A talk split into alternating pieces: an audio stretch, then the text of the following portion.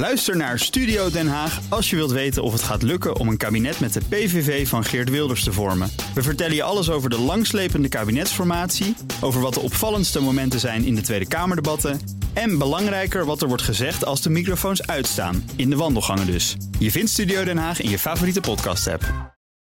De column van Jaap Jansen.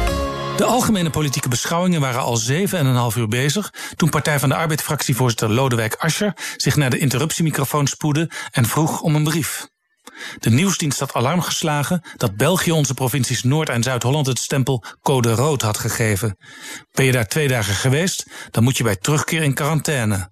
In studentensteden loopt het aantal besmettingen onder twintigers snel op. In de wandelgangen gronste. Het kabinet komt vrijdag met nieuwe maatregelen. Dan moeten we daar toch in dit debat over kunnen spreken, zei Ascher. Even later uitte Lilia Marijnissen van de SP haar verbazing dat het debat urenlang was gegaan over Geert Wilders, de rechtbank, Aquasi en Zwarte Piet. We zitten midden in de grootste crisis sinds de Tweede Wereldoorlog, stipuleerde ze. Terecht. De troonrede van koning Willem-Alexander een dag eerder was daar wel over gegaan. Het coronavirus en de economische crisis die ons voor grote en pijnlijke problemen stellen. Wat we doen is sturen in de mist, zei de meestal zo standvastige minister van Financiën Wopke Hoekstra. En je weet niet wat je niet weet. We moeten ons schap zetten, wist de koning. Voor het eerst viel me de titel op van het muziekje van Juriaan Andriessen, waarmee de troonrede altijd omgeven wordt.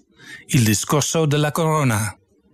Juist omdat koers vinden in deze bange dagen enorm moeilijk is, werden de algemene beschouwingen op dag 1 nog niet echt een eerste groot verkiezingsdebat, wat je normaal gesproken zou verwachten, een half jaar voor de Kamerverkiezingen.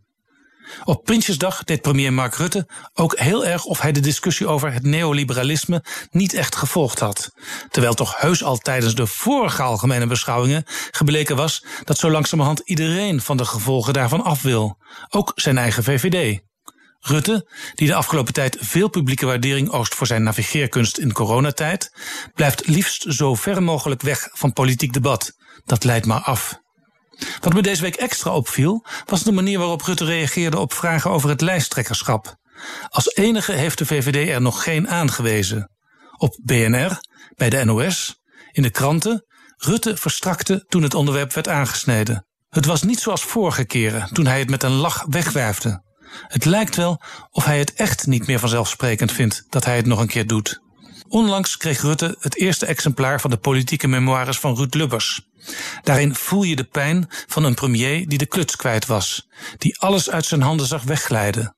Rutte, een historicus die houdt van dit soort boeken, zal het in één weekend hebben uitgelezen.